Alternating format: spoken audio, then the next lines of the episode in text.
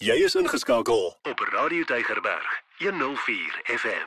Simone Annemart Lou is een van Hoër Meisieskool Bloemhof in Stellenbosch wat gematrikuleer het verlede jaar en is tydens 'n glansgeleentheid donderdag aand as Suid-Afrika se tweede beste matrikulant in 'n kwintiel 5 skool aangewys. Simon, baie welkom by Ontbyt. Baie dankie. Nou, nou ek hoor jy het die geheim tot sukses. Wat is die geheim om die toppresteerder te wees? Ja, sê vir ons asseblief. asseblief. Dat ons vir ons kinders ook kan sê. Ek sou nie sê daar's 'n geheim om toppresteerder te wees nie. Ja.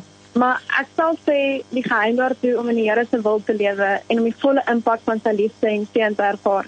Dit Wow. is om net 100% op hom te vertrou Mm. en om jou oë op hom te hou en nooit op die resultate nie. Mm. So my ma sê altyd eerste dinge eerste. Ja. Soek eers die Here en sy koninkryk en al die ander dinge wat jy nodig het, sal jy ook ontvang. As jy die eerste dinge eerste sit, kan jy albei geniet, maar as jy die tweede dinge eerste sit, verloor jy albei. Nog elke keer in my lewe sonder uitsondering, as ek my oë van Jesus afhaal het en begin kyk het na die resultate en die uitkomste wat ek wil hê, ek paniekerig begin raak en begin stres en dan net van die pad af gegaan. Maar as jy gefokus is op Jesus, maak niks van daai dinge saak nie. Ja. En as die Here dan besluit om my nog steeds beter te gee, dan kan mens net dankbaar wees. Ja. So eh, Simon, jy is nog baie jonk, maar uh, waar het jou verhouding met die Here begin en, en, hoe het dit jou lewe verander?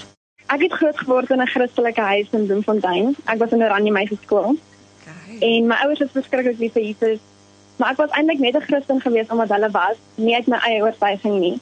En Ja. toe in 2015 het ons Stellenbosch toe getrek en ek is vir die eerste keer na gemengde skool toe en daar is ek ongelooflik geboelie, um fisies, emosioneel en geestelik afgebreek. Ek kon later glad nie voor mense praat sonder verlammende vrees nie en ek het al my emosies verloor. Ek kon ook nie my emosies uitdruk nie. Dit was my selfverdedigingsmeganisme. Um as ek nie emosies voel of wys nie, kan ek nie verder seer kry nie. En ek het baie depressief begin voel en ek het my identiteit heeltemal in akademie gevind. Um en toe in 2018 gaan ek Bloemhof toe in die Christelike skoolvereniging waarvan my sussie op die stadium die leier was.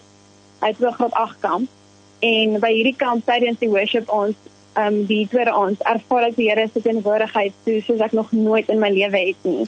Ek het net op my gesig neergeval en vir die eerste keer in omtrent 'n jaar begin snot en trane huil. En ek het in my hart vir Here en hy het alles kom verander van daar. En my genees van my seer en soveel meer vir my kom teruggee as wat ek eintlik verloor het. En hy het my gewys hoe my identiteit sleg te vind in my status as 'n kind van die van die Here, net in hom en glad nie in my akademie of prestasies nie. En ek weet dit net hy. Ek kan nie eens probeer maak of dit my eie werke was nie. Alles wat ek is en al wat alles wat ek al bereik het, het gekom deur wat hy vir my gedoen het. En as hy my nie gered het nie, sou niks van hierdie gebeur het nie. Sure. Dis amazing. Ek wil ek wil vir jou vra watter raad het jy aan leerders en toekomstige ehm um, matrikuleerders? Hoe moet hulle hulle skool jaar en net skool aanpak oor die algemeen? So ek sou dink een van die belangrikste goed om in ag te neem in terme van werk is om nooit aan te beweeg na 'n nuwe konsep voordat mens die vorige werk volledig verstaan nie. Um anders bou jy net op 'n vankerige fondasie wat glad nie sal werk nie. Maar verder as dit, moenie televisie kyk nie. Vir my is selfoon werk bitter hard, maar rus asseblief ook genoeg. Ek rus elke Saterdag en ek doen geen werk van die oggend tot die aand nie, selfs gedurende my eksamens.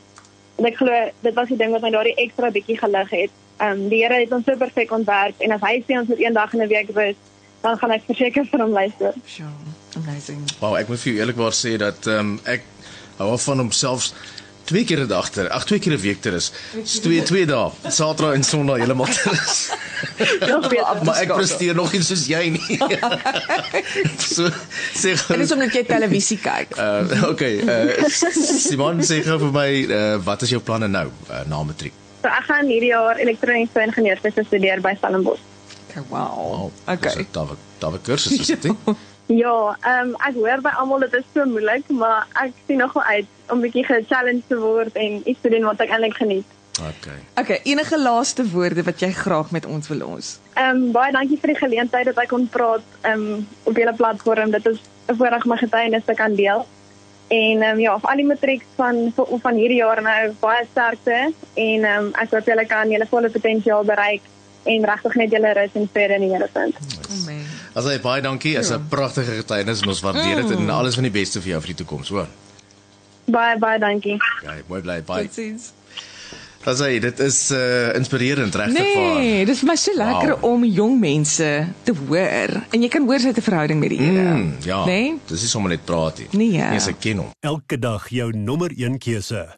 Radio Deugerberg 104 FM.